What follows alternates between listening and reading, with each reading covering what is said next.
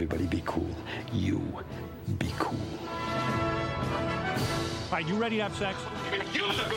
We come in peace. We come in peace. You are the motherfucking Antichrist! We're gonna let you go, okay? Ok.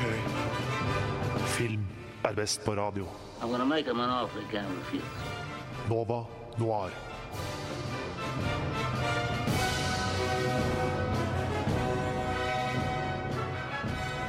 Hei og god morgen denne litt eh, grå torsdagsmorgenen. Du hører på Radio Nova, og i de neste to timene så skal du få høre på eh, Nova Noir. Og med meg her i studio så har jeg Tage Rivas Tollefsen. Og Julie Oskar Andersen. Og på teknikk så har vi Ulrikke Svenne. Beste teknikeren Beste i byen. I, i, hele verden, byen. faktisk. Verden. Ja, vil si hele verden. Universet. Ja, hvorfor ikke bare kjøre på? Ja, full, full pupp med en gang. Apropos pupp, hvilken dag er det i dag da, dere? Ja, i dag er det kvinnedagen, så gratulerer med kvinnedagen til alle våre eh, kvinnelige lyttere. Um, Vi setter pris på dere. ja, we appreciate you. Takk. Er du lytteren? Nei, men jeg er kvinne. Ja. Fremst. F først og og fremst fremst kvinne. Ja, ikke sant. Nei, i dag så skal vi eh, dessverre for noen ikke eh, snakke om eh, kvinnedagen som tema i, om, eh, i film her, men vi skal snakke om eh, anime. Um, og, thing. Ja, litt Ja. Vi skal ha en litt sånn der eh, sær sending i dag, var planen. Uh, Nisje. Nisje men eh, før vi hopper inn på det, så tenkte jeg skulle høre hva dere har uh, sett siden sist. OK, jeg OK, jeg Jeg har Du ser uktore utrolig klar ut. Ja, hør nå her. Jeg har begynt å se eh, på Stargate SG1. Oi. For Oi, det gikk på TV da jeg var eh, på ungdomsskolen på Viasat 4. Så Ja, det var det som var rett etter skolen, liksom. Riktig. Mm. Så nå har jeg bestemt meg for Hei, det syns jeg egentlig var litt fett. Hei, sci-fi er dritkult. Hei, det er ti sesonger. OK, sign me up, baby! Så nå har jeg begynt å se på Stargate SG1 med altså han som er fra MacGyver. Jeg skulle til å si, er ikke det Mac-eren som er Yes, med på det er det. Det gjør det bare enda bedre. Jeg elsker det fortsatt, har jeg funnet ut. Digger det skikkelig. Jeg er nå i Det står tidens tann, liksom. det, ja, men faktisk, jeg syns det gjør det. Til å være 90-talls, ganske 90-tallsserie, så syns jeg det holder mål, altså. Selv om det er litt utdaterte PC-er og sånn. Eh, og at eh, hva skal jeg si, det tekniske ikke gjenspeiler eh, 2018. Men jeg syns faktisk det er fortsatt gøy. Det er høy nok nostalgifaktor på det. Ja, jeg syns ikke det er Jeg trodde jeg skulle synes det var litt sånn teit, men jeg bare No shame. Jeg elsker det. Sånn, jeg syns det er dritfett. Ja, sånn, jeg vil ikke si det er en ti av ti-serie, men jeg syns det bare Det er skikkelig fornøyelig, rett og slett, å se på. Hmm. Karakteroppbyggingen og dem imellom og deres dynamikk og for, forhold og plottet og bare Nei, jeg, jeg koser meg skikkelig. Jeg har aldri tatt den serien seriøst. Det er på grunn av MacGyver. Man skulle tro det, men han gjør en ganske god jobb. Og Hmm. han spiller ikke helt likt. Litt likt, men ikke Litt helt likt. Er det sånn at han plutselig bare Hm, jeg må ta denne sandgreia og mikse den med denne tannhjulet, og så plutselig har han en tidsmaskin eller et eller annet sånt. Eh, nei. Nei, okay. De burde, jeg vet Stargaten er ikke laga av gaffateip og hårklips, liksom. Nei. vinkork. Nei, den er ikke det. Det, er, eh, det har litt mer å by på enn som så, rett og slett. Så hvis du er litt sånn sci-fi-head, Så så gi det en sjanse, vil jeg si. Rett og slett. Jeg kan ikke helt gå god for alle de andre spin-off-seriene som kom etterpå. Typ sånn men det er ganske, Atlantis og men det er sånn. ganske decent alle innom. Men eh, i hvert fall SG1. Det er, uh, good, good shit. Men du da, Tage, hva Nei, det var jo Oscar-utdeling på søndag, så jeg tenkte at da må jeg prøve å s- få sette meg opp på det beste som jeg kan, som jeg rekker. Og jeg har jo sett uh, blant annet Call Me By Your Name i helgen, for eksempel.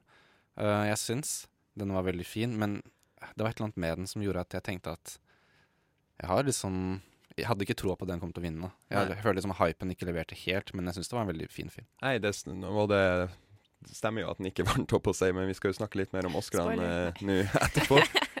um, siden sist har jeg sett eh, en dokumentar, faktisk, eh, som skal um, som nesten handler litt om temaet, for det handler om eh, South Park. Det heter Six Days to Air. Kult. Oh, Eh, Den har jeg sett. Ja, det handler rett og slett om hvordan eh, hver episode av South Park bare blir laga i løpet av seks, de seks dagene før den skal på lufta.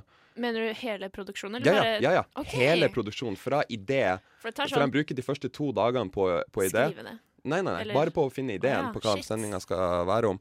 Eh, og så går de videre til at eh, bare de venter på at Trey eh, skriver skriptet, og animatørene driver sover på studio, og eh, bare det er helt insane work schedule.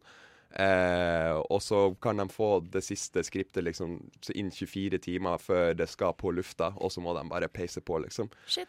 Det Ja. helt Og en Simpsons-episode tar seks måneder. Ja, det tar sånn et fra tre til seks måneder å lage det, og det er jo derfor de eksisterer De snakker om hvordan de eksisterer i et sånn der Eller mange andre serier eksisterer som en slags void eh, på relevante hendelser, men South Park Ja. alltid klarer å være snappy og Shit, det har jeg egentlig aldri tenkt på, men Nei, det, det, det er den måten de har fått det til, og det er jo at Trey og Matt er liksom så involvert enda at de ikke bare har eh, svevd av gårde, som gjør at de holder seg der. Mm, Riktig.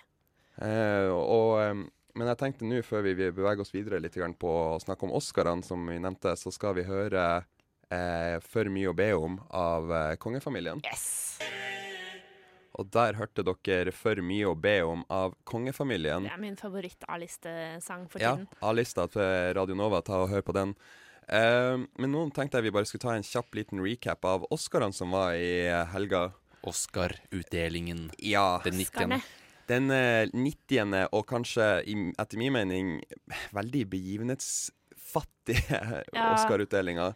Jeg, eh, jeg, jeg så den ikke eh, live, men eh, ut ifra hva internett sa dagen etter, var det ingenting som var nevneverdig, nesten. Og ingen memes. Og Nei, ingenting. det var ingen, Ikke f- ingen fuckups. liksom.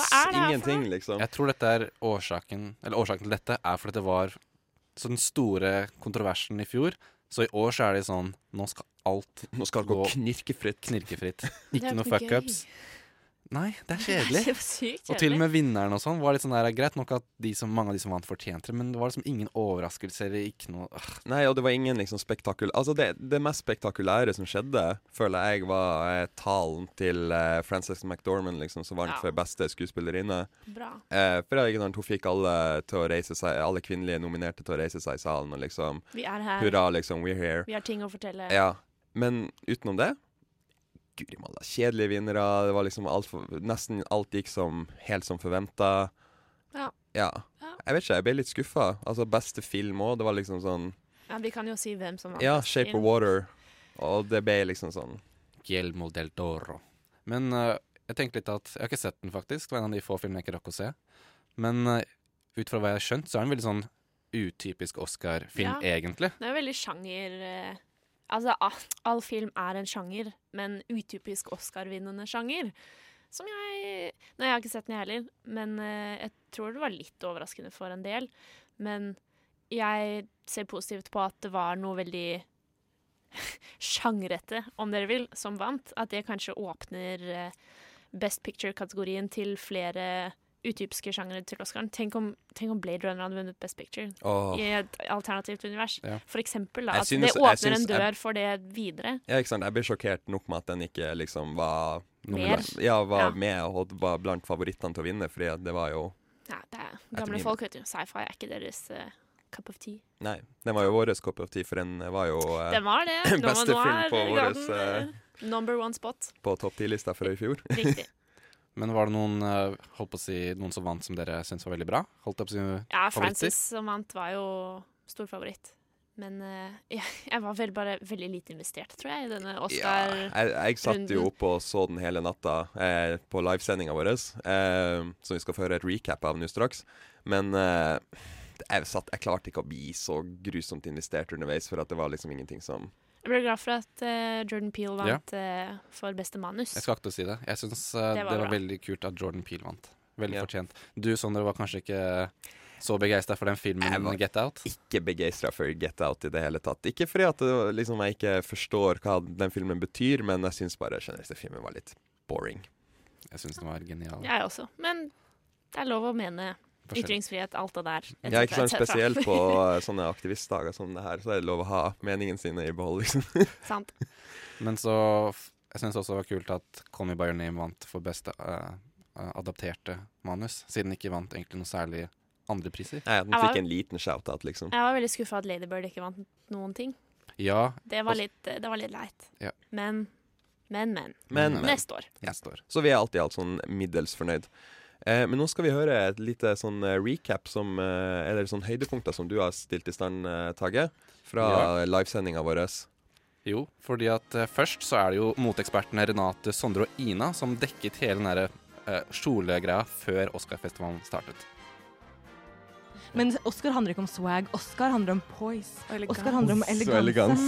Eh, Oscar handler om å glitre. Oscar handler om å dazzle.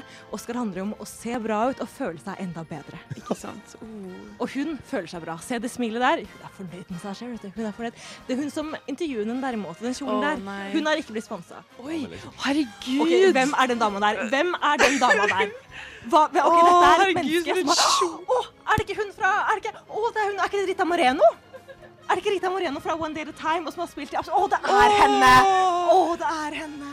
Hun har spilt i absolutt alt. Hun har vært med så sykt lenge. Se, hun har henta kjolen sin fra da hun var 20. Å, hun er så flott. Hun er Har dere sett henne i One Day at a Time? Å, hun er fantastisk. Hun er så, hun er så pen. sånn. Og hun, er, hun har poise. Og liksom, der har vi Oscar-dama. ikke sant? De Og den kjolen der, som ser ut som det er som tatt rett ut av sånn Christian Dior i hans liksom, tidlig startfase, med masse mønster på. Det er liksom sånn Rene, det, er, det er så mye som skjer her. Og det hodeplagget hennes, som er rett fra over 20-tallet, og det smykket som er så Egypt, vet du hva? Rina Moreno. Og, fy faen. Det her, hun har toppa kvelden for meg allerede. Hun har toppa kvelden for meg allerede. Oi, rosa! Rosa! Kvinne i rosa. Oh, spenstig. Hva slags stoff er den kjolen der, da? Det er hun um, Hva heter hun? Hun fra Viola! Jeg skjønte det ikke igjen! Viola, hva er det du gjør? Wow. Og plutselig er du mer kritisk.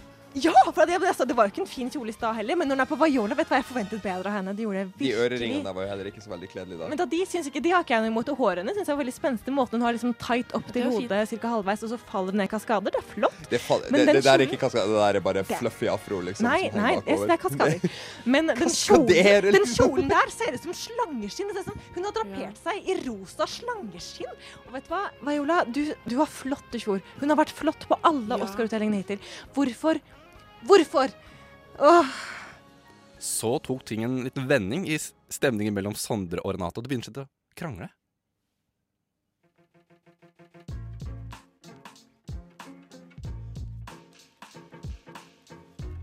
Så det, går, så det går bra, så du skal ha en tøffel så du kan tråkke over i mange mange år før du bare finner ut at Ja, men vet du hva, jeg vil jo egentlig ha deg, Ja, så nei, du kan du være så snill til meg. liksom Og så bare er det greit? Det ender fint, tenker jeg, og så blir vi lykkelige etter hvert. Bitch. Eh, oi. Veldig dømmende. Wow. Veldig dømmende. Men hva, dette her. Jeg kritiserte ikke noen av dine idoler nå. Ro deg ned. Jeg bare syns du har en veldig krass Der er Hayek. Men jeg bare syns du har en veldig krass holdning til Jeg har, jeg har en krass holdning til livet. Ja, og og jeg vil gjerne sette pris på at du åpner sinnet ditt litt mer for Oscar-utdelingen. da. Jeg syns Det det så ut som litt sånn der du, billig party Du syns alltid så billig ut. Ja, men ting ser billig ut. Du Altså, ser billig ut. du ser billig ut. Det Er, det, er, altså, er ikke aktivisme bra så lenge du ikke liksom står ute på en regn, regntung dag liksom, med brannfakkelen din? Nei, men liksom, greit, du kan, jo, du kan jo ha voldtatt fem kvinner, men så tar du på deg en pinn, og så er alle sånn wow, så flink. James Franco. Hva sier du? Altså sånn, De får ikke lov å bare komme i svart dress, for det er for kjedelig.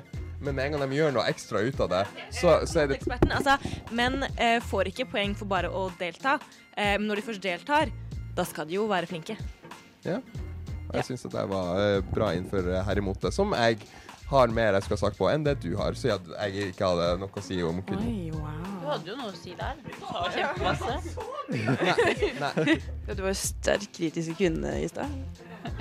men nå avfeier jeg Ja, ja. hennes mening. Det er ikke mer kjoler på rød løper her. Men Renate kan du mene ting for det. Nei, hun er pensjonert der borte nå. Hallo!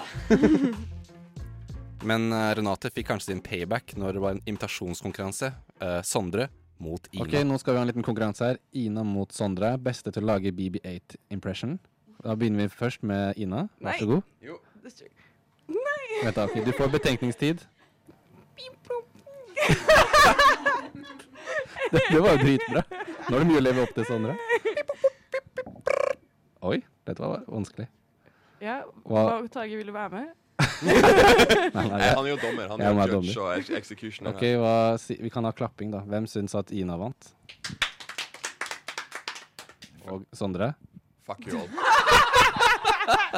Fuck you all. Det her, det her kaller jeg sexist. Jeg kaller det Jeg sexist. syns oppriktig at det var ufortjent lite Han var flink. Du, Fuck you all.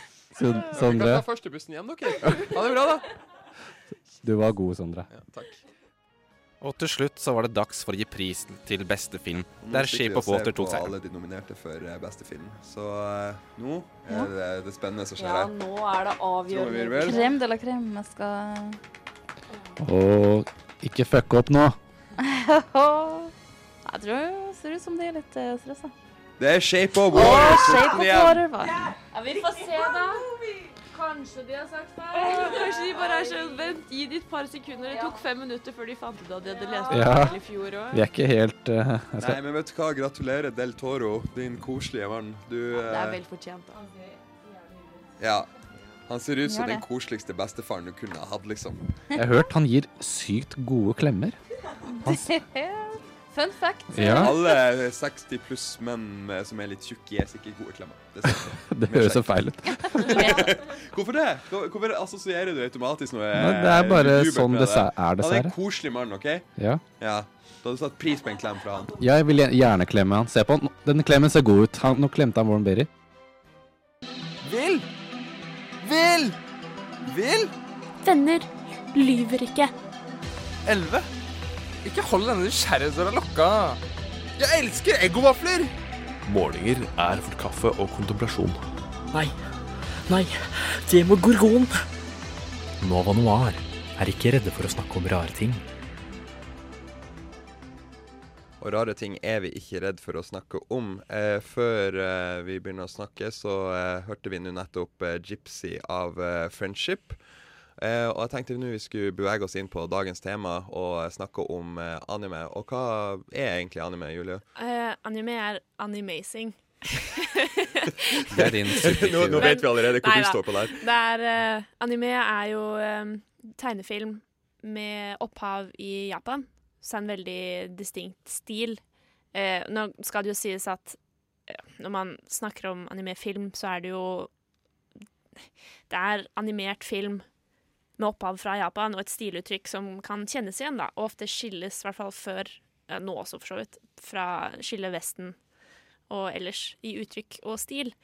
Nå er det jo noen serier som har utfordret det, da, og blandet litt og prøvd å jeg vet ikke, minke det gapet. Men eh, det skal vi snakke litt mer om senere, så det skal jeg ikke si hva er nå. Men eh, jeg tror eh, det finnes mye skitt innenfor den sjangeren, eller om man kan kalle det en sjanger, for det er jo mange Det blir jo som å si Altså, Bollywood-film er jo ikke en sjanger, sant? Nei, men det er Men, liksom eh, en stil Men det er noe du kan skille etter Ja. trekke en linje. Så det er jo mange som vanlig film ellers. Masse forskjellige sjangere. Og noen som er litt unike til eh, anime, som for eksempel eh, disse yaoi-fetisj-greier og masse shady shit som vi ikke egentlig Det er ikke det vi skal snakke om, men det er mye Nei, for vi, vi, Mye kommer dritt. litt, ja, for vi kommer litt inn på det der med stigmaet rundt anime etterpå. Men eh, er du enig i Julie sin beskrivelse, Tage? Ja, altså Selve ordet anime er jo en forkortelse fra animation. Og Det er jo sånn typisk Japan å eh, forkorte, Forkorte for forkorte to litt lengre uh, engelske ord inn i et kort ett. Og så har det liksom blitt et uh, an, anime, sånn som Vesten ser det, er liksom all animasjon som kommer fra Japan. Og uh, som du sa, så er det veldig sånn en egen ting. For at eh, typisk sånn hvis du skal liksom sammenligne eh, Naruto da, fra, med eh, X-Men, som er en an animert serie fra Vesten, så ser de helt ulike ut stilmessig, selv om begge er animert. Eh, for så vidt på samme måte. Riktig. Og noen som kjennetegner eh, anime, det er liksom store øyne, litt eh, Det blir dumt å si, men veldig eh, urealistisk. Mye overdrevne ansiktsuttrykk. Ja, og litt sånn rare kroppsproporsjoner. Ja, i, vir kan, vi, kan vi virkelig. vel si. Det kan vi vel tørre å påstå. Ja. Eh, nå er det jo en del filmer som eh, Ghibli-filmene, for eksempel, som vi har hatt en sending om tidligere, så vi skal ikke fokusere så mye på den i dag. Men jeg vil bare si at det er et eksempel på noe som Som bryter transcenderer den, den stigmaen eh, som ligger der. Og, altså, Ja, virkelig. virkelig. Men som er noe mer enn bare anime. Da. Det er bare film, Mm. i min mening.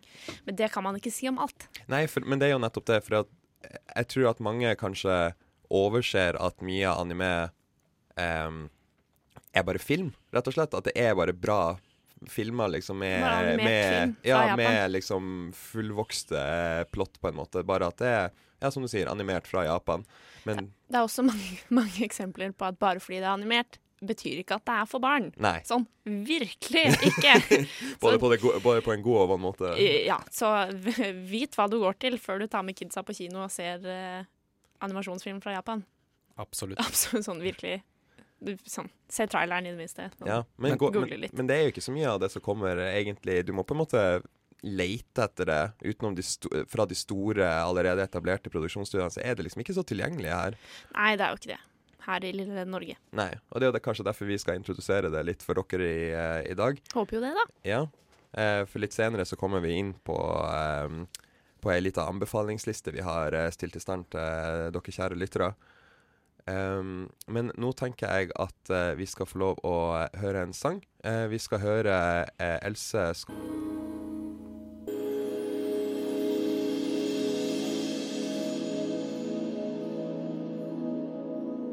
Der hørte dere Else Skogan med 'High Expectations'. Og nå tenkte jeg vi skulle eh, snakke litt om stigmaen rundt anime, som eh, jeg nevnte så vidt. Fordi at det er jo den vi skal prøve å Ja, i hvert fall forsøke å rive litt ned for lyt- lytterne litt senere i sendinga. Eh, men hva er egentlig liksom de Hva skal man si, de litt stigmatiserte tropene vi ofte ser i anime? Jeg, eh, jeg vegrer meg alltid litt for å si til folk jeg møter, eh, at det er eh, noen det er at Jeg liker en del anime, at jeg har sett på det. En, en del. En del. Du vegrer deg mer enn dere to, så Ja. Men du ja, vegrer deg jo til og med litt det, nå. fordi det er så mye dritt. Og det er ikke rart at anime har fått uh, dårlig rykte, for det er så mye sære mm, greier. Så det er så mye seksualisering av kvinner, ikke minst. Også menn, men jeg føler at det er for hver mann du seksualiserer, så er det tre damekarakterer som er også seksualisert. Og ikke bare det, men måten de bare blir tegnet på ofte. At det er liksom pupper som er på størrelse med basketballer, og som liksom hopper Til og med Til og badeba badeballer, vil jeg si. Det er liksom. helt latterlig. Det er en som finnes hvor det er sånn bryting, hvor det er damer i bikinier og badedrakter som må slå hverandre ut av en sånn flytende øy i et basseng, og de har bare lov til å bruke puppene og rumpa til å slå hverandre ut. Det er jo helt sykt. Sånn, Hvem er det som tenker på å lage det her? Det er jo helt Og det er så ironisk at jeg, at jeg kommer fra et land som, som Japan, som, der folket er ganske aseksualisert, liksom sånn Ja, og ikke minst et veldig homogent samfunn. Og så Ja. kommer du og ser masse anime og tror at alle har rosa hår og er så sykt individuelle, og kler seg som de vil. Altså, nei, det er, det er et så stort Mm. eh, eh, Jeg prøver ikke å si det på nor- nei, engelsk. Mm, ja. Misconception. Jeg klarte det ikke. Misoppfattelse. Misoppfattelse. Og det er så vondt å høre, og så blir man da litt sånn Ja, men jeg liker det, jeg vet egentlig hva det handler om. Du har misforstått. Sant? Så det er derfor vi har denne sendingen i dag. Men jeg tror mye av grunnen til at det er eh, så mye seksualisering i anime, er for, fordi at i det japanske samfunnet så er det veldig sånn tabu for kvinner å vise f.eks. kløft. da. Uh, bare for å ta det som eksempel. At det, veldig, det å vise mye hud og sånn er veldig uh, tabubasert.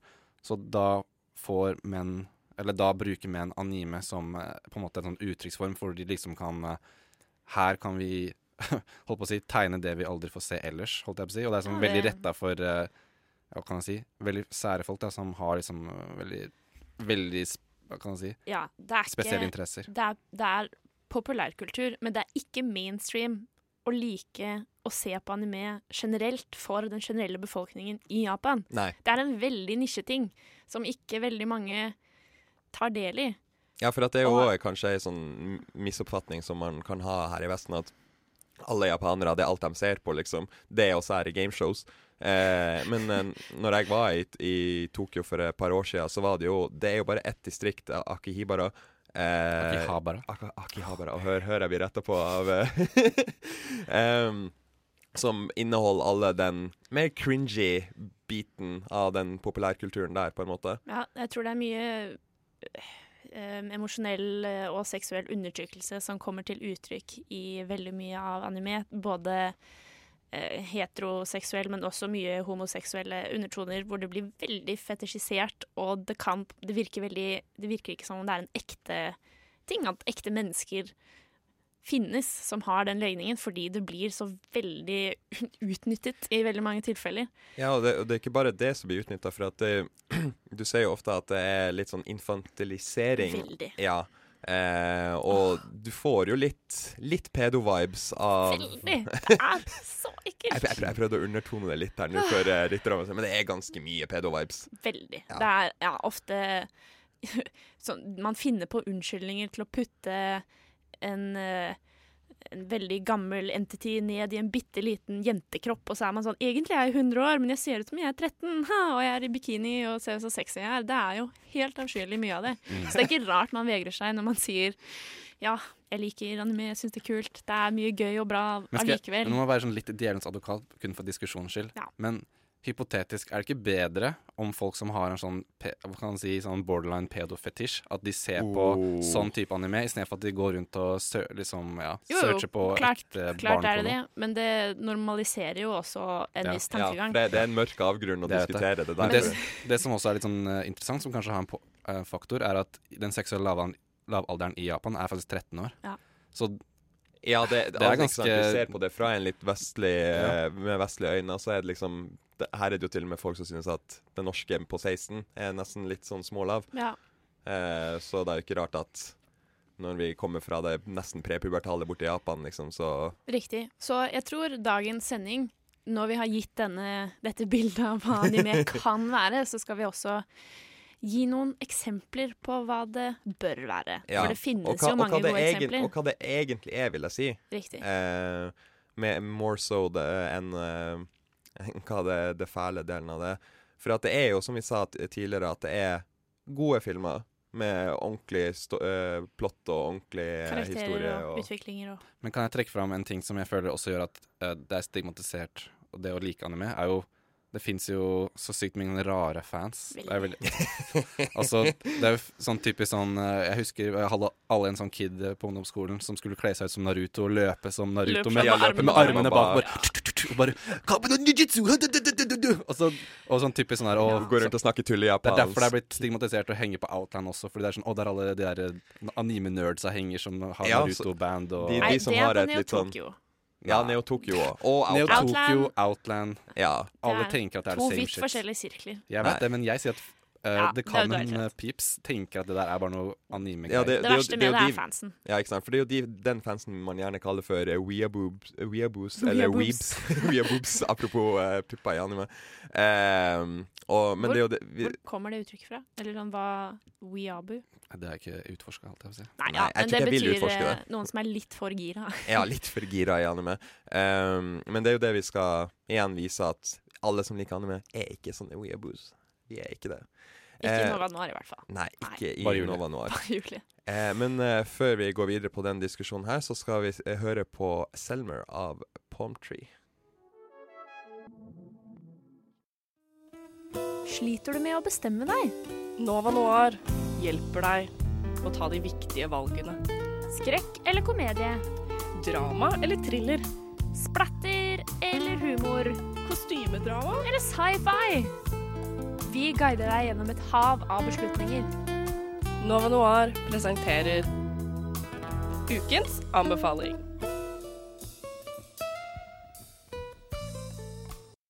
Vi hørte nettopp eh, Palm Tree av eh, Selmer, og eh, nå skal vi bevege oss eh, dypere inn i anime-temaet med den første anbefalinga vi kommer med i dag, og den har eh, Julie, som er med her i studio, tatt og laga.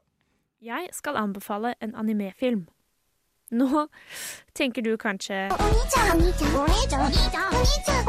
Men la meg stoppe deg med en gang. Du har utvilsomt hørt om Black Swan. Men har du hørt om Perfect Blue? Eller Perfect blue. Nei? Tenkte meg det. Perfect Blue er nemlig filmen som Black Swan er inspirert av. Eller Black Swan har kopiert eller lånt visse elementer fra, om du vil. Perfect Blue kom ut i 1998 og er fortsatt relevant i dag.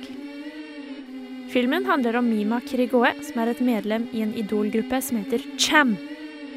Idolkultur i Japan er noe fremmed for mange av oss, men ut ifra hva jeg har sett, Er Perfect Blue troverdig i sin framstilling av fansen og deres usunne forhold til slike idolgrupper og deres medlemmer? Plottet sparkes i gang da Mima skal slutte i gruppen sin for å bli skuespillerinne, noe hennes besatte fans er uenige i. Rare ting begynner å skje, og Mimas virkelighet blir stadig mer og mer voldelig og forvirrende. Hennes grep om virkeligheten minker, og hun vet ikke lenger hva som er sant, eller hva som er hennes egen fantasi. I likhet med Black Swan sliter Mima med å skille mellom de dramatiske hendelsene i filmene hun spiller i, og i virkeligheten. Det oppstår en del identitetsforvirring når linjene mellom idolrollen hennes og hennes privatliv er i konflikt.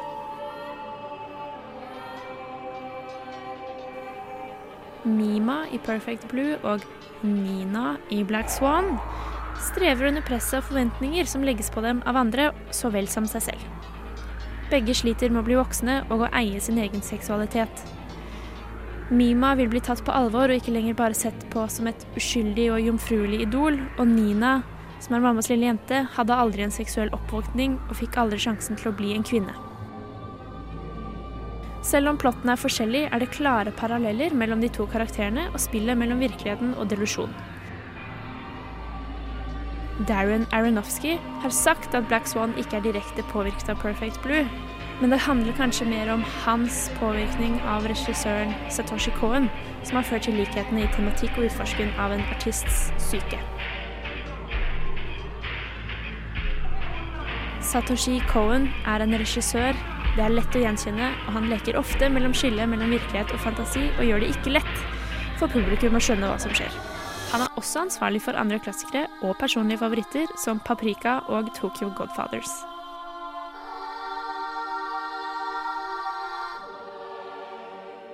Perfect Blue var også hans eh, debut, og siden har det bare blitt bedre og bedre. Mange er skeptiske til anime som sjanger, og det første en tenker på, er noe otaku-shit, som kun er 99% fanservice, pupper som hopper opp og ned, og seksuelle innuendoer. Det er ikke filmene til Satoshi Cohen. Det kan jeg love deg. Alt han har produsert, i likhet med Ghibli-filmer, er perler i en haug med ekkel, seksualisert sand. Og vi i Nova Noir forteller deg hvor du skal lete. Paprika, Satoshis fjerde film, har også klare paralleller til Inception, men det kan vi prate om en annen gang. Poenget er han er en filmskaper du virkelig burde vite om.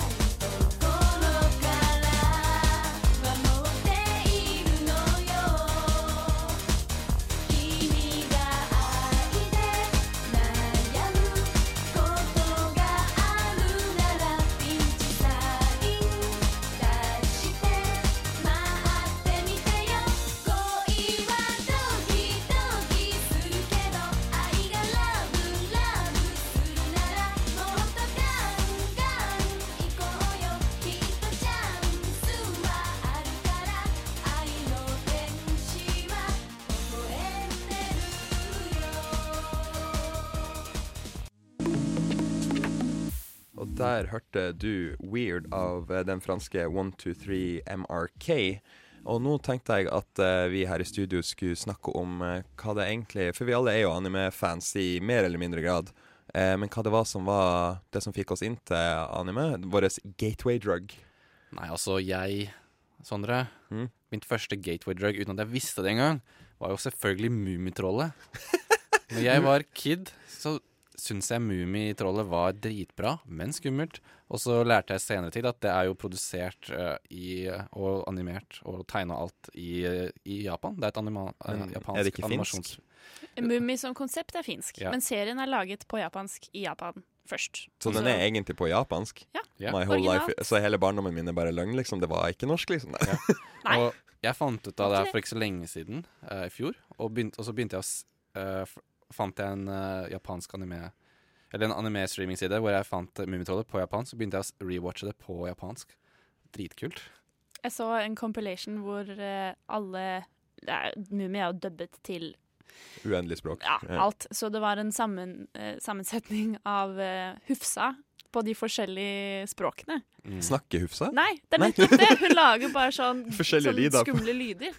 Så det, det var ganske spennende. Men jeg, jeg er for så vidt litt enig med Tage at uh, Mummi tror jeg var eh, det første som jeg ble eksponert for uh, av anime, uten å vite det og tenke på det. Men jeg føler, føler ikke at litt mer sånn teller helt. ja. Fordi jeg så eh, Det var jo eh, tegneserier søndag morgen, Mm. og da var det jo Pokémon. Ja. Hver søndag, sånn, eller lørdag, jeg husker ikke, men det var Av og til, jeg tror det begynte med å være hver lørdag og søndag, og så etter hvert så gjorde TV2 sånn at det bare ble på søndager. det var litt kjipt. TV2 for det. Men, eh, det. men jeg tenker heller ikke på den som eh, gjorde det at jeg ble skikkelig interessert i det. Eh, for det var nemlig da jeg oppdaget eh, House Moving Castle, eller altså Det levende slottet. Litt sånn tilfeldig. For jeg var i syvende klasse, så dro skolen min på leirskole. Eh, på den der eh, gården som alle drar til. Hva faen den heter. Ja, jeg kunne ikke dra dit, for jeg er allergisk mot alt som finnes. Spesielt på en gård. Så da tok eh, fadderen min med meg, meg med til eh, Kjøben, så vi dro på shopping spree istedenfor, som liksom plastret på såret. Og da datt vi innom en kino en dag hvor de viste Det levende slottet. Dog dubbet på dansk, men det var, det var ikke så farlig.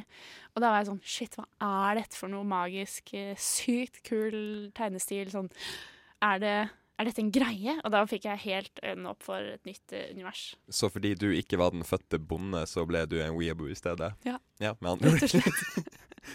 Nei, uh, min gateway drug var nok som du brifa innom. Det var nok Pokémon, men også Digimon. Eh, ja, ja, Digimon. Som jeg mener er den eh, egentlig eh, Den misforståtte store eller lillebroren til Pokémon, som egentlig er Strengt talt mye så er det bedre. en spin-off. Eller en copycat. Ja, det er en copycat. spin-off, det, ja, nei, men det er en copycat som er bedre, mener jeg. Men Kontroversielt. Mm, ja. Nei, jeg, jeg fikk aldri sett Digimon, for vi hadde ikke TV3. Men Nei. vi hadde sånn familiefilmkveld hver helg, hvor en i familien bestemte film og middag, så gikk det på rullering. Og ha- har så mamma og pappa gått, uh... måtte lide seg gjennom tre uker med Digimon-filmen på rad, fordi rad. alle kidsa jeg og mine brødre valgte den i en periode sånn konsekvent hver gang vi gikk på Mix for å leie film. Så den har jeg sett ganske mange ganger. Men jeg skjønte jo ikke egentlig greia, da, for jeg hadde jo ikke sett serien. Men Ah, ja, jeg syns den var kul, og den var også dubbet på norsk. Så det Ja, for jeg, men- jeg mener at det var For min del så var det det som For at det åpna bare øynene mine for For det var mer animert, på en måte. Det forbinder ikke jeg liksom med sånn så Mummitrollet var liksom Det var tegnefilm for meg da jeg var liten. Eh, mens eh, Pokémon og Digimon det ble liksom mine første animasjonsserier, som senere liksom dro meg inn eh, briefly, da, eh, innom sånn som Dragon Ball Z og litt sånn andre, litt mer japanske Ja, for jeg skulle si Åpenbart at japanske, i hvert fall. Det som var min tr true gateway drug Get that sweet animation, baby! What is this good shit? Det var uh, når jeg begynte å lese Dragon Ball, og så se animer den animerte serien. Fordi at det var noe helt Dette var veldig helt nytt og eget, og det var jo øh, Det er jo en av de liksom, virkelig eh, old school-klassikerne innenfor sjangeren. Og eh, jeg bare syns det var helt magisk og dritkult, og det var så annerledes fra alt jeg har lest før. Ja. Jeg husker man kunne kjøpe de på matbutikken. Jeg kjøpte Ranma. En halv, en og en halv. Jeg er litt, husker. Mm. Jeg Det var the shit. Det var dritkult. Og så nektet jeg lillebroren min å lese det fordi det er litt nakenhet og sånn. Så jeg var sånn nei, du er for liten. Du kan jo få ikke lov. Jeg beklager. Men jeg tenkte ikke på det som Det var på en måte også sånn tegneserie, for da var jeg så ung. Jeg hadde ikke noe konsept om manga som en Nei, som er, ja, som er tegne, ting. Som en egen serieversjon av de animerte seriene, Ja, riktig. Ja. Eh, ellers, er jo, ellers kan man jo si at de animerte seriene er en animert versjon av mangaen.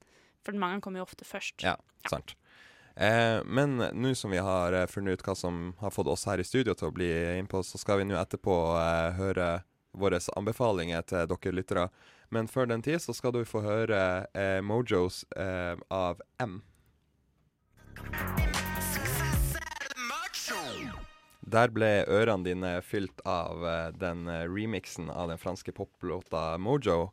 Um, og nå skal eh, vi ta og rangere den uh, lista over anime-filmer som uh, Og ikke bare filmer, Uh, som vi mener er god kvalitet.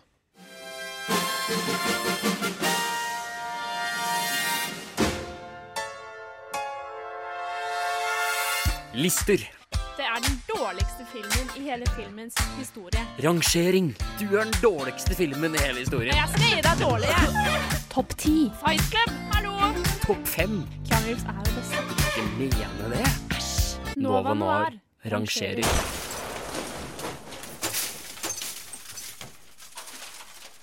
kommer, eh, og her kommer vår eh, topp fem-liste eh, av eh, ikke-Ghibli-filmer eh, og serier eh, som faller under eh, anime-kategorien. Og da starter vi på bunnen av vår topp fem-lista med en film du har eh, anbefalt her til oss. Ja, en, eh, egentlig en serie. En serie? En serie som heter eh, Erased, eller eh, The Town Without Me, som den vil bli direkte oversatt. Jeg skal ikke prøve meg på den japanske tittelen. For det Ikke- ikke- ja, ta- er ikke lurt. Så ta- Tage kan få ta seg av men Jeg har det. ikke skrevet den, så det går ikke. Men uh, Erased er da uh, Det er bare én sesong, så det er en enkeltstående sesong. Jeg kan ikke se for meg at de kan fortsette historien. Den blir veldig avsluttet og veldig ferdig. Og det er noe jeg setter veldig pris på, for det er ikke alle serier som må vare i syv sesonger for å fortelle en historie. Da. Så jeg kan sette pris på at det bare er tolv episoder. Ofte også, for da har man planlagt tolv episoder, og så er den veldig godt eh, har veldig god framgang, og arken er godt fortalt, og det er ikke Du, du unngår sånne cliffhangers, og du må ikke ha sånn intens bullshit som bare er puttet inn, fordi nå begynte det å bli litt kjedelig igjen. Ja, Det er ikke sånn at det kommer eh, episoder som er sånn skikkelig investering og måtte se, pine seg gjennom for å fortsette på Riktig. Det er heller ingen fillers, som eh, anime sliter ganske mye. Det vil si at du har et overarkende plott, men så har du sånne mellomepisoder som ikke handler om det overarkende plottet, for å gi ofte kanskje bedre forventning eller bedre kjennskap til eh, karakterene du ser på, men ofte også ikke. Så denne serien unngår det helt, og den er fantastisk. Det er altså en, eh, en krimserie, mysterieserie. Og Thriller, rett og slett. Thriller, ja, Ja. rett og slett. Og her kommer en liten trailer. Kayo Hinazuki. That night at the park was the last time I saw Kayo. And now for our next story. If only I'd done things different is a phrase that pops into my head every day. Hey, kiddo. You remember back then? Something like this happened in the neighborhood. No, you don't get it. I could have saved her. Six months after my classmates disappeared, Jun Shiratori was arrested for kidnapping and murder. It was Yuki, The more I talk about it, the better the chance it'll come true. another revival. Come on, man, find it, find it. Was that guy looking at me? The case is anything but closed. Satoru? Så, vi, Så, ja. så det, hø det høres ganske traumatiserende ut, på en måte, som hovedkarakteren. Ja, det, det er uh, shit som skjer. Det handler om uh, Det var en eh, Hans uh, klassekamerat i femte klasse ble kidnappet og myrdet. Og noen ble arrestert, men er det riktig person? Det vet man ikke helt. Eh, og så begynner, ting, begynner ting å skje i nåtiden, og nå er han 29. Eh, og så har han denne evnen til Eller om det er han som har den, det er litt usikkert. Men han har muligheten i hvert fall til å gå tilbake litt i tid for å endre noe som kommer til å skje i fremtiden. Typ, du får noen eksempler på det helt i starten, hvor han avverger en trafikkulykke, f.eks. Det er, er Eh, det sånn langt tilbake til at han hopper årevis, eller snakker vi om en sånn kjappe tilbakespolinger? Begge deler. For først så får du bare får du det presentert med den trafikkulykken, men så begynner det å skje ting i nåtiden som henger sammen med det som skjedde i Femte klasse. femte klasse. Så han blir da sendt tilbake til sitt femteklasse-jeg, og Mm. prøver å da som et barn, men med sine voksne minner til en viss grad, og forhindre det til å skje, da. Og så vet han jo ikke helt hvordan han skal gjøre det, eller hvem som er morderen. Så det er et veldig intenst mysterie som ikke spiller på billige troper for å holde deg investert.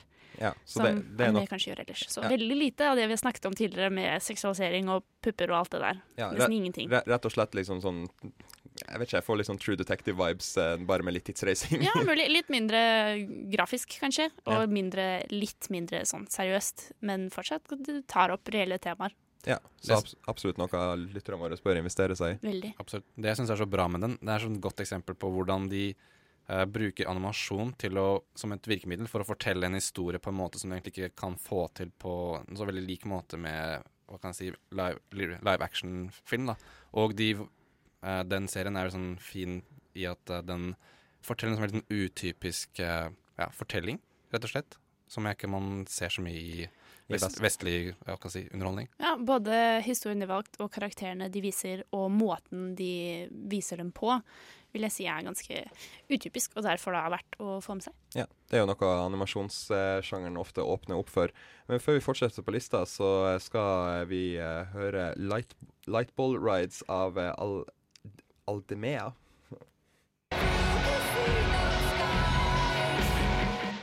Der var altså Lightball Rides av eh, Aldema, som jeg eh, som fint misprononsa før eh, den sangen der. Men nå er vi på nummer fire på lista vår. Oh yes, det er vi, vet du, Sondre. Og det er jo selvfølgelig Ghost in the Shell. Hallo. Beste serien ever, eller Fra filmen ever. 1995. 1995. Det er ikke noe Scarjo her, vet du. Nei, nei, nei. Det- Også live action, da. Men jeg vil bare virkelig Mhm. poengtere. Ja, det er fra 1995. Og uh, den er den er så viktig, for at det er så mange filmer som har blitt inspirert av den. F.eks. Matrix. Uh, Ghost in the Shell, hvis man ikke vet det, handler om uh, en cyborg politidame som er på jakt etter en sånn mystisk hacker som heter The Puppet Master. Men så utfolder ting seg og blir veldig sånn eh, eksistensielt. My code name is Project 2501. And I am a life form that was born in a sea of information.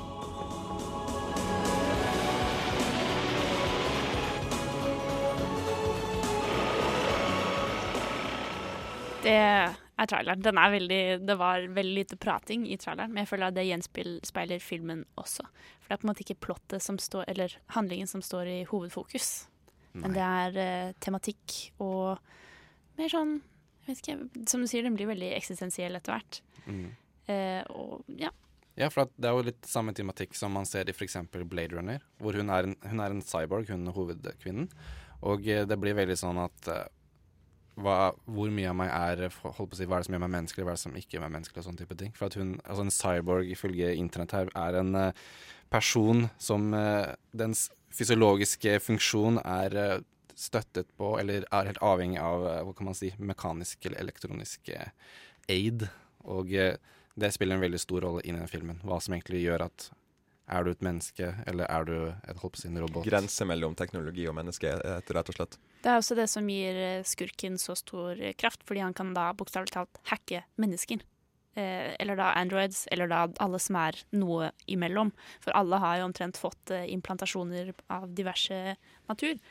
Så det er Nei, den er, den er Jeg tror man må ha litt tålmodighet når man ser den, og man må ikke være for eh, for kritisk til sci-fi-sjangeren, for den er jo ganske nokså framtidsretta. Det er jo sånn Neo-Tokyo-vibe over hele, hele filmen. Hva betyr egentlig Neo Tokyo, Sondre? sånn framtidsretta. Det Vi snakker vel kanskje sånn 50 år fram i tid fra der vi er nå. Eh, og det er jo det som jeg syns i hvert fall gjør det gjør tematikken veldig interessant, er at det er noe så mange ser for seg når vi etter hvert liksom beveger oss inn mot eh, kunstig intelligens og menneskelige argumentasjoner og alt sånt der, om det kan bli etiske problemstillinger som, problemstillinger som kommer opp, da. Det er også en film som tar seg veldig god tid. Eh, ikke noe, den er ikke nødvendigvis så lang, tror jeg, men den bruker tid til å utforske øyeblikk som normal film kanskje ikke ellers hadde giddet å bruke så lang tid på. Eller Ja. gi det så mange minutter av filmen. Og det er også en film som kanskje stiller mer spørsmål enn den svarer på. Og det er jo de som Noen liker ikke det. Noen liker ikke å på en måte stille så mange spørsmål og sitte og fundere og filosofere etter etter en film. Andre vil ha en sånn, clean wrap-up. Mens andre- frustrerende, ja. Mens andre liker bare Hm, dette var interessant, og dette får meg til å tenke. Ja, ikke sant. Det er en tålmodig og funderende film, på en måte, eller som får deg utfordrer deg på mange planer, mentalt sett, føler jeg. Jeg tror kanskje noen, mange kan avskrive den lett fordi den er litt frustrerende og som du sier, stiller flere spørsmål enn den gir deg svar. Eh, og som sagt, handlingen er ikke i fokus, så du får Alt blir liksom ikke nøstet opp pent og servert med en sløyfe på et sølvbrett. Eh, men nå som du vet det, da, så kanskje du vil ha litt mer eh, Tålmodighet. med denne filmen. For den er virkelig verdt det. Og når du Jeg, jeg får eh, nesten litt vondt når jeg ser hvor mye jobb og innsats man har brukt på et bilde eller en bakgrunn, og så får du bare se det i sånn tre sekunder. Og det er hvor mange dager med arbeid, og så bare borte. Men det sier jo litt om hvor eh, Hva skal jeg si Levelet av produksjon og dedikasjon de har tatt, hatt da de har laget denne filmen. Ja, eh, Men vi kommer jo ikke utenom å nevne den uten å liksom spørre oss Er den vestlige adaptasjonen med Scarlett Johansson som kom ut nylig, er den en verdig adaptasjon? Nei, er det et spørsmål i det hele tatt? Den er jo ikke det på Men- noe som helst plan. Jeg, jeg har den uh, tiltrening at jeg velger, velger å ikke se den engang. For at for meg så er det bare én Ghost in a Shell, og det er den animerte filmen fra 1995. Det er et spøkelse av en god film. Det er det det er. Ja. Åh! Og litt ordspill der. Så altså, ikke gidd. Sånn selv som vanlig actionfilm, quote on quote, Så så er er, den den fortsatt ikke spennende, bra eller interessant. Nei. Da, da er det altså den eh, vestlige remaken, ikke det originale. Ja, Eh, virkelig, virkelig. Men eh, det, jeg leste for noen dager siden faktisk at eh, når jeg undersøkte litt det her temaet, at det er veldig mye av sci-fi og eh, sci-fi action-tropene som faktisk i vestlige filmer som er blitt inspirert av Ghost in the Shell, som vi nevnte innledningsvis her med Matrix. At det er mye av tematikken der og tropene som kommer fra Ghost in the Shell. da. Eh, men eh, før vi beveger oss videre i lista nå, så skal vi få høre en eh, sang av en engelsk duo som heter Hot Pink fra Let's Eat Grandma. Hot Pink av Let's Eat Grandma. Litt morbid navnet der, var det vi Ja. hørte der. Eh, neste på lista nå, det divergerer litt fra eh, det som man kanskje typisk eh, ser på som anime, for det er jo ikke japansk. Det er Avatar The Last Airbender. Hvordan våger du, Sandre? vi fornærmer den største weeabooen i studio her i dag, nå hører jeg. Dette er ikke fra Japan. Fysj, ha deg vekk. nei, det er jo amerikansk. Eh, men, eh, som nei, men som definisjon eh, tilsa på nett, så er det jo bare Anime er jo bare japansk inspirert med en typisk stilistisk karakter. Eh, men Avatar The Last Airbender eh, tar jo for seg eh, Det er jo tre sesonger av den, så vidt jeg husker. Fire. Fire. Nei, vi uh, da. flisespiker ikke over det. Men det tar uh, Vi følger da eh, Ang, uh, som er den siste eh, airbenderen som eh, skal være liksom the savior, den reddende engelen for eh, en verden som er litt grann i kaos. Water. Earth. Fire. Air. Long ago, the four nations lived together in harmony. Then, everything changed when the Fire Nation attacked. Only the Avatar, master of all four elements, could stop them. But when the world needed him most, he vanished. Som vi hører der i den litt dramatiske introen til, til serien, så er det jo fire elementer som liksom kontrollerer verden, og det er ubalanse mellom dem. Og det er bare avataren, The Last Airbender, som kan gjenopprette balansen. Ja, for eh, han har da muligheten til å bruke alle fire. Ja. Men ellers så er det bare én per pers. En, en En per pers. You only get one. Så kommer han der Ang og er sånn grådig som bare uh, 'Jeg kan gjøre alt, jeg er superkul'. Er det ikke sånn det er? Ok, Du har ikke sett den engang, så ikke kom Nei, her, Tage, og prøv det- å Sett tre episoder. Det er jo rett og slett Oi, sånn at han Vil du ha en premie? Altså Du klarte deg tre, liksom? Nei, eh, men det er jo rett og slett sånn at han Han kommer jo ikke bare og kan alt til å begynne med. Han kommer jo som en litt ulært person. Eh, en apprentice, altså en, eh, en lærling, rett og slett. Ja, han eh, Du vet at han er avataren, men han har ikke eh, mestret noen av de andre elementene etterpå. Og det er jo for så vidt det blant annet serien går ut på. Hans søken etter noen som kan lære ham å bruke de andre elementene. Ja, det er rett og slett ei, ei reise som Eller altså en serie som handler om mye om å vokse, rett og slett. Eh, og jeg syns den tar for seg mye sånn eh, god tematikk som handler om liksom hvordan det er å, å lære nye ting, og, og ansvaret og utfordringen som kommer med det, da. Ja, Eh, og når du innser at hele din verden og hele din oppvekst og alt du lever for, ikke er riktig, og at du må endre helt nytt perspektiv på hva som er eh, bra og rett, da. For det er en av karakterene som må gjennom en veldig lang veldig lang. Ta en veldig sånn runde med seg selv eh, for å finne ut Oi, hvem er jeg egentlig? Hva vil det si? Og hva er riktig side å være på i denne store konflikten ja, som da Ja, konflikt da? mellom det gode og det onde. som Det er en av de ikke- beste Mm. karakterarkene jeg vet om, i hvert fall. Ja, for at det er jo rett og slett Det tar opp spørsmålet hva er egentlig det som er godt, og hva er det egentlig som er ondt. For at det er jo som man rett og slett ser i den virkelige verden òg, at altså, historie blir jo skrevet av vinnerne på en måte, og da er det veldig lett å se på den ene sida som ond, da. Eh, og man ser jo litt sånn, for det er jo For å spoile det litt, da, så er det jo eh, Ildnasjonen, eller Fire Nation, da, som er den eh, onde her. Og det, du ser jo litt sånn andre verdenskrig-vibber, og litt sånn Hitler-jugend-vibber med uniformene deres og fargebruken og litt sånn den militante stilen, da. Det er noen eh, konnotasjoner der. Ja. Ja. Nå er jo alle de, disse som jeg også syns er så sykt fett med den serien, er eh, sånn design på hvordan klærne ser ut, hvordan de forskjellige nasjonene blir framstilt. For alle stedene er basert på forskjellige steder i Asia. Eh, det er sykt fett. Og bare måten de integrerer eh, bruken av disse elementene i hverdagen. Og det er en kjempebra serie som er veldig utfyllende, og verdenen blir veldig troverdig. Og ja, den lider jo litt av uh, tenåringshelt som skal redde verden på en alder av 14. Men det er jo fordi den er uh, opprinnelig lagd med barn i tankene. Men jeg syns fortsatt nå som voksen at den holder mål. Altså. Det er virkelig noe å få med seg. Og den var også planlagt fra start til slutt. Og, og det var heller ingen hva skal jeg si billige knep for Nei, å det er ikke mye fillers der, sånn egentlig. Det, det er en annen episode som selvfølgelig, mm, når det er over så mange sesonger, så Hva skal man si da? Er litt treig, og du tenker Men eh, jeg den klarer alltid da å fortelle noe annet om karakterene som du ikke visste fra før. Mm. Eh, og den er bare virkelig godt skrevet og kjempegjennomtenkt. Det hele universet de har skapet, skapt, er veldig fascinerende, syns jeg i hvert fall. Ja, og Men- det ja, bare Se på. Nei, det, det er jo mye sånn her um, For at som du sa, den er jo aima mot barn det er i utgangspunktet. Eller hva skal man si, da, unge tenåringer, vil jeg si. Uh, og det er jo Det merkes veldig godt gjennom eh, spesielt én karakter, uh, Iro, uh, som er General Iro. Ja, General Iro, som er um, en eh, general fra Fire Nation. For at han er på en måte den der litt vise, moraliserende eh, karakteren som gir deg litt mer sånn filosoferende livsspørsmål, eh, som gjerne blir viktig i, Eller som blir veldig viktig for eh, skurken vår, da, kan man vel si. Eh, um, I hans reise i å finne ut hvem han egentlig er, og hvilken side han egentlig skal stå på. Da. Og det føler jeg på en måte treffer veldig godt.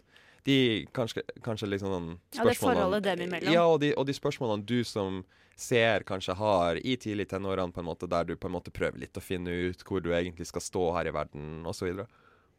Men jeg tenkte på Den også har en uh, Vestliv live action-versjon Jeg, tenkte, jeg hadde håpet vi kanskje ikke skulle nevne eller komme inn på det, men ja, det har den jo. Spørsmål til dere. Ødela den filmen uh, for, for animen for dere? Nei, nei. For jeg tenker sånn at Åpenbart jeg, ikke, men- Klarer man å skille de to hvis man ikke har sett det noen Men, fra før? men jeg så filmen først, og så var Oi. vennen min sånn OK, Julie, det her går ikke. Nå skal jeg vise, virkelig liksom, nå skal jeg vise deg hva greia er. Og så, ble jeg, så så jeg hele serien, og så ble jeg så dypt fornærmet over at den filmen i det hele tatt eksisterer. Jeg tror du må være den eneste jeg har hørt som faktisk har sett serien Ja, etter for det er også inntrykket mitt, at, det, at den ødela det for veldig mange som kunne ha likt den serien. Og kunne Peker du på meg? Ja, jeg gjør det. Stirrer på deg, faktisk. Uh, og kunne likt den, da. For den er så fin. Alle karakterene er så fine. Helt sånn, i- Nå må jeg og- den på og nytt. I filmen så får, øh, sånn, som jeg dessverre har pint meg gjennom én gang, og det én gang var faen meg nok. Ja, på kino, faktisk. Ja, det jeg gjorde, betalte det for det. gjorde det. ikke jeg. Jeg lasta den ned, så det er jeg veldig glad for. For det at M. Night Shyamalan som han øh, Får ikke mine penger. Nei, han får ikke mine penger for det jævla makkverket av et oppgulp av en film det der var. Ja. Virkelig. Så vær så snill, ikke tenk Ikke på se den. Kanskje Se, se serien, se animen. Fordi at det er der du virkelig får kvaliteten og de fantastiske aspektene med historie presentert. Kan man si at Shyamalan er en shitbender? Shit. det nye elementet bæsj. Ja. Shit movie bender? Nå, ja, jeg kan jo for så vidt si det. Mm. Mm. Ja, for han, det er han, han kan ha veldig kontroll over det. Ja, han er jo det. Han er jo den eksperten på å ødelegge potensielle gode historier, føler jeg. Ja. Ja. Han har eh, han har shit in the bed eh, en god del Mer enn én en gang. Mer enn en Mer gang. en gang, Ja. Kanskje en god del i det siste. Eh, men nå, kjære lytter, så skal du få høre Dale Disco av 120 Days. Der hørte du altså Dale Disco av 120 Days, et band fra Kristiansund. Eh, og nå går vi videre på eh, lista vår, så nå begynner vi å nærme oss toppen her. Nå er vi på eh, nummer to. Og der tenkte jeg at jeg skulle nevne Tokyo Godfathers, en annen film av uh, Satoshi Kun. Cohen. Cohen. Kun. Kun, kun ja, Satoshi Cohen. Ja. Um, det er en film som um, er litt mer virkelighetsnær i, uh, i hvor, den, uh, hvor handlinga foregår og sånn der. Det, der følger vi tre litt hva skal man si, litt tilfeldige eh, karakterer eh, i, der de, de finner en forlatt baby, og de skal liksom finne mora til, til den, da. One winter's eve, in Tokyo, Japan, three homeless people discover an abandoned baby and join together to reunite mother and child.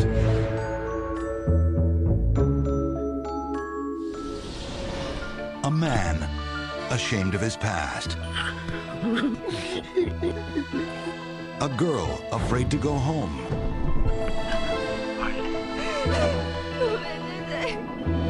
And a woman with a remarkable secret. Det var altså eh, en liten eh, trailer av Tokyo Godfathers, og der fikk vi jo presentert karakterene, som er eh, en mann som har tidligere gambleproblemer, en eh, ut, nei, en eh, runaway eh, te tenåring og uh, ei dame som egentlig er en transe, og tidligere drag queen. Og denne filmen Jeg vil nesten kunne kalle det en julefilm. Eh, for at den foregår der En julefilm i den forstand at det er ikke jula som er tematikken, men den har det som, som backdrop da, eh, til, eh, til handlinga. Eh, og filmen er veldig drevet fram av tilfeldigheter, rett og slett. Eh, der liksom karakterene er tilfeldige, det, de har ingenting med hverandre å gjøre, og hendelsene underveis i filmen blir bare drevet fram av tilfeldigheter der der de også går gjennom en reise der de må på en måte akseptere si, sine liksom Sin bakgrunn, Ja, sin bakgrunn eh, og sine Sine historier. Sine fakter, ja, sine rett og slett. personlige problemer. For at det er veldig mye karakterutvikling i gjennom denne reisa. Veldig. Ja. Ah, det, er så, det er så fint å se på. Den er, I tillegg til å ha veldig fin og klar stil, vil jeg si. Eh, som dog ganske naturtro med tanke på anime som sjanger. At det ofte ikke er så realistisk, men at det er en, en av de mer realistisk vendte stilene jeg har sett, i hvert fall.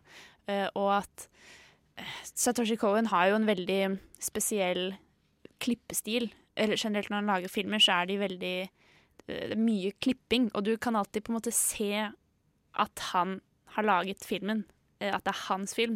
Og det samme med Perfect Blue, som ble anbefalt tidligere.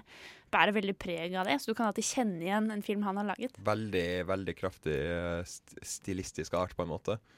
Det er også Jeg har ikke sett den, faktisk. men Men eh, du kan låne den av meg. Ja, men slik jeg, det jeg liker med altså, holdt på å si, det jeg vet om den, da, er at han har tre karakterer som kommer fra man kan si, eh, type personligheter eller fra bakgrunner som ikke typisk har eh, blitt fortalt en historie om i, på japansk film. Da, sånn typisk sånn, litt sånn stigmatiserte typer, sånn transseksuell eh, Jeg tror det er også en uteligger, en av de er uteligger eller noe sånt. Ja, eller- han er, ut, han er, ut, han er, ute, han er Ja. ut, ja, men han er uteligger med tidligere gambling fordi Mm. det er det som gjør at han er Fordi det, den der uteligger-greia i Tokyo er faktisk et sånn helt sånn samfunn som på en måte ikke, ja, som ikke Ja, du har ser det ikke, rett og slett. Det er veldig sånn, us- veldig sånn stigmatisert og usynlig, men de er som eksisterende i, i Tokyo. Det har, og jeg har utviklet seg et år.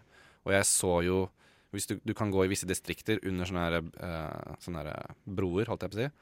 Eh, Under sånne. Sånn du vet, broer. Ikke broer, men uh, Ja, Der hvor sånn- bilene kjører over sånne Ja, mot- motorvei, motorveier. ja, mm. Mm.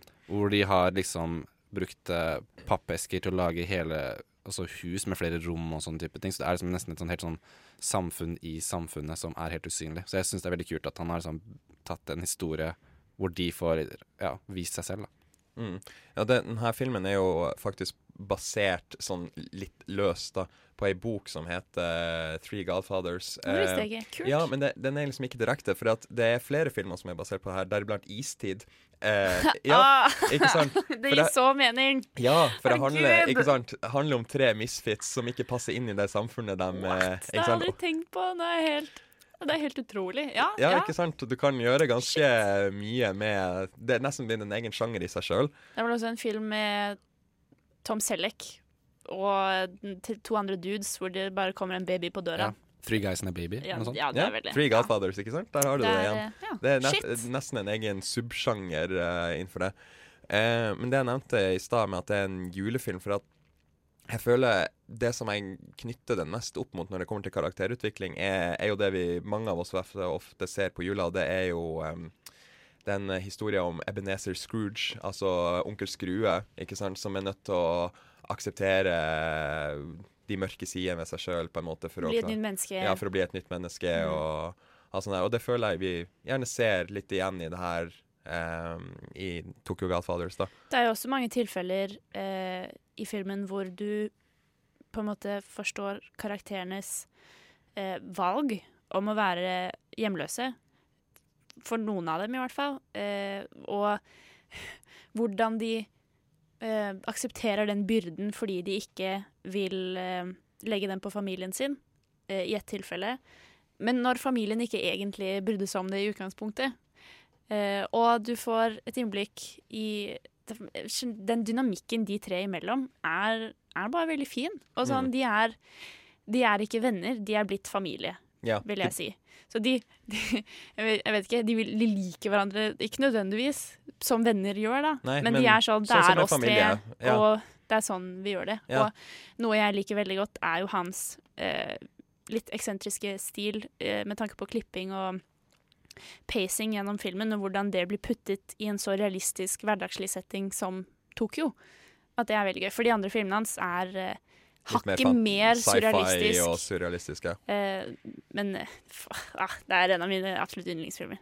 Ja, eh, og det er jo, den her drar oss jo kanskje litt mer inn på det der med anime som ikke bare sci-fi, surrealistisk og eh, absurd og veldig tegneserieaktig. Det her kunne fint ha fungert som en, en live action-film, liksom, og eh, ja.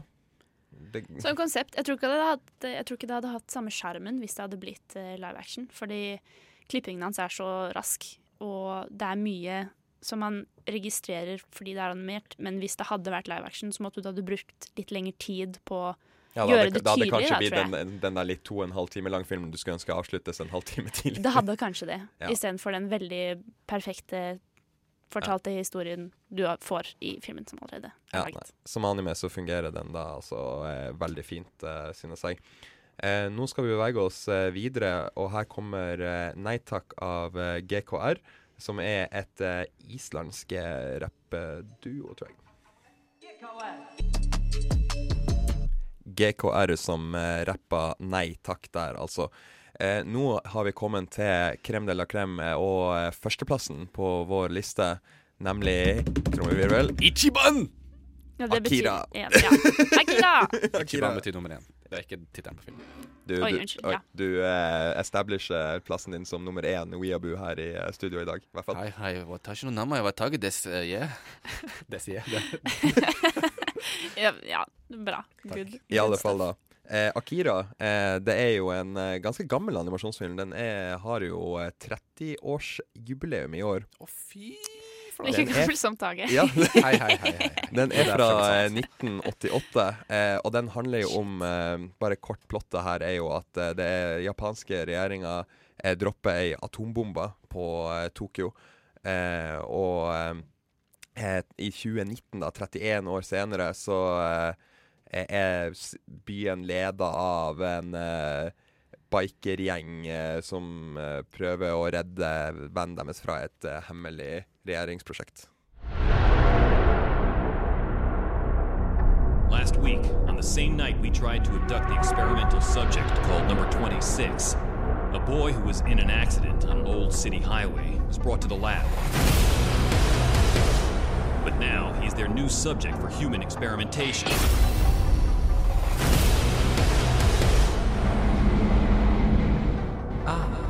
But we have no choice but to grasp that power. Grasp that power and learn to control it. And if this situation gets out of hand, then he's to be terminated. Jeg vil si dette er det beste eksempelet vi kommer med i dag på at bare fordi det er animert, betyr ikke at det er for kids. Oh, hell no. Så alltid sjekk først. al- alltid sjekk aldersgrensa før du, eh, før du Eh, ser eh, med ungen eh, din, liksom. Virkelig. For det her er eh, drama med stor D. Ja, og thriller med stor Og thriller, T, og ja. det er action med stor A. Det er Sci-fi med stor Alt er, i, alt er i caps lock, OK? Ja, som du gjerne hørte av musikken òg, liksom. Det er heller dramatisk film. Eh, og, Sykt kul, ikke minst. ja, det, det er ganske imponerende til å være 30 år gammel. Du skulle jo tro at det var en litt mer sånn blassen animasjonsstil fra den tida, men eh, Det holder seg godt, altså. Den ser, ma Åh, den ser så fin ut. Også, Det dritbra. det samme som jeg sa med Ghost in the Shell, eh, at bakgrunner og shots som du har i to-tre sekunder Du kan se hvor mange at, at, animasjon... An, hva heter det? De som animerer? Animatørene. Eh, eller bakgrunnskunstnerne liksom har Lagt sjela si i lagt sjela i hver minste lille centimeter med bakgrunn og bylandskap og alt. Ja, og det at- blir så, jeg føler at det kan bli tatt litt for gitt ellers, men det er virkelig en film hvor du ikke klarer å la være å tenke på det. Nei, for eh, hele backdropet er jo bare fantastisk fargespekter og veldig sånn futuristisk eh, og sprakende farger og neonlys og hele pakka, liksom. Det, det er virkelig noe av det som griper deg med filmen, da. Ja, for at, eh, jeg kan hende jeg tar feil om han som har skapt Akira. så Det var jo først en manga, dette også. Han var først, hvis jeg ikke tar helt feil, arkitekt. Så han har jo Ja, han det gir har- mening. Han, hvis du ser uh, i, altså bygningen og sånne type ting Han legger så sykt mye sjel i det, og han er vel altså Det er jo helt sånn Han har sånn helt egen uh, visuell stil, og han har liksom den veldig mye erfaring med det å faktisk tegne bygninger og hus og sånne type ting. Det gir så mening når du sier det. Det visste jeg ikke. Nei, for det er, veld, det er jo veldig mye med perspektivene som du kanskje ser, eh, ser igjen derfra. Ja, altså, jeg vil jo si at hele byen er en karakter i seg selv. Den virker nesten levende eh, og pulserende i måten den blir fremstilt på. Så detaljert og så nøye og så smertefullt sånn å sitte og lage alt det her. Men eh, ja, det er virkelig noe jeg håper alle kan sette pris på. Mm. Nei, for også, men så vil jeg trekke fram plottet igjen, egentlig. For jeg syns det er kanskje Det holder veldig godt tidens tann, da. For det, det handler jo veldig om sånn der anti-establishment anti-establishment og anti eh, Mot eh, staten Ja, mot staten og opp liksom hemmelige prosjekter ja, og ja, ikke sant. Vise fingeren to the man, liksom. Eh, det, og som du hørte i traileren i stad, så er det litt sånn super eh, Eller overnaturlige evner òg, som eh, Akira, da. Eh, Besitter. Besitter, ja. Mm. Eh, som de vil ha lyst til å benytte seg av. Det er også en film som Jeg vil si den er eh, hakket mer fokusert enn Ghost in the Shell, men det er fortsatt mye spørsmål etterpå som ikke blir eh, besvart, og som ikke nødvendigvis trenger å bli besvart. Nå har jeg jo ikke lest mangaen, så jeg vet ikke hvor stort det da spriker eh, med filmen, hva man får vite og hva man ikke får vite, og hva som blir eh, Hva som ender opp på klippegulvet, men den er jo Den er kanskje litt lettere å følge handlingsmessig, Ja, det er og mye- minst like vakker. Det er mye, hva kan jeg si um, ja, Handling rundt akkurat det med å forklare Akira og hele det greiene der, da. Hva det egentlig det overnaturlige aspektet, som blir kanskje litt mer forklart i mangaen enn filmen. For det er liksom ikke tid til å gå skikkelig dybden på det. Men på en annen måte så må man jo bare akseptere filmens eh, premisser. Eh, og ikke henge, Man kan ikke drive og henge seg opp i sånne I hvert fall hvis det er en film som har gjort eh, veldig innsats med et sånt n- Kom med nytt element, da. Typ kanskje som Arrival, for eksempel. Eller det handler mer om karakterenes opplevelse. Det handler ikke om alle detaljene i hvordan og hvorfor og sånne ting. Så man må ikke Det ødelegger opplevelsen litt generelt med film, hvis man henger seg veldig opp Oppi sånne i små pirker. Det- sånne ting. Vi alle har jo sikkert den venn som har tendens til å gjøre det. Eh, men jeg syns òg det er interessant det der med det anti-regjering-greia. At det, det er fra Japan, da, for det er jo tradisjonelt sett et ganske lydig, lydig folk, får jeg inntrykk av. Ja, ikke sant. Og trekke tilbake med det vi nevnte med at anime gjerne gir rom for å ta opp ting som er litt tabubelagt i det japanske samfunnet. Ja, også rent sånn visuelt og det med tematikken. Jeg føler at den adresserer veldig at Japan er liksom prega at det landet ble faktisk nuka med atombomber. Da, og at den liksom hvordan det, En sånn alternativ fremtid, hvordan det påvirket eh, samfunnet også. Det Mm. syns jeg er dritkult. Og bare hele det overnaturlige aspektet den er så De, interessant. de er definitivt ikke redd for å plukke opp sånne ting. nei. Nei, jeg vil også si at uh, i anime så har mange serier en tendens til å bruke uh, seksuell trakassering og eh, sexual assault som komikk og spille det for humor. Men i Akira så er det noen scener som definitivt ikke er humoristiske, men som bruker det Nei, bruker på en veldig god, god måte, eller som et virkemiddel til å illustrere noen karakterer og hvor kjip den verden de befinner seg i nå i er, uten at det skal bli spilt opp som komisk Ja, og morsomt å å- liksom bli klådd på, da, som det kan ha i andre serier. Ja, De er ikke redd for å gjøre vise verden så gritty som den rett og slett er. Mm, veldig dystopisk. Ja, så jeg, jeg vil si at vel, velfortjent eh, dystopisk førsteplass eh, på den lista vår her i dag. Og musikken, ja. Ja, som du, Sikken, stilen, som du hørte fra traileren. Alt dramatisk. Per, altså En perfekt film. Virkelig se den.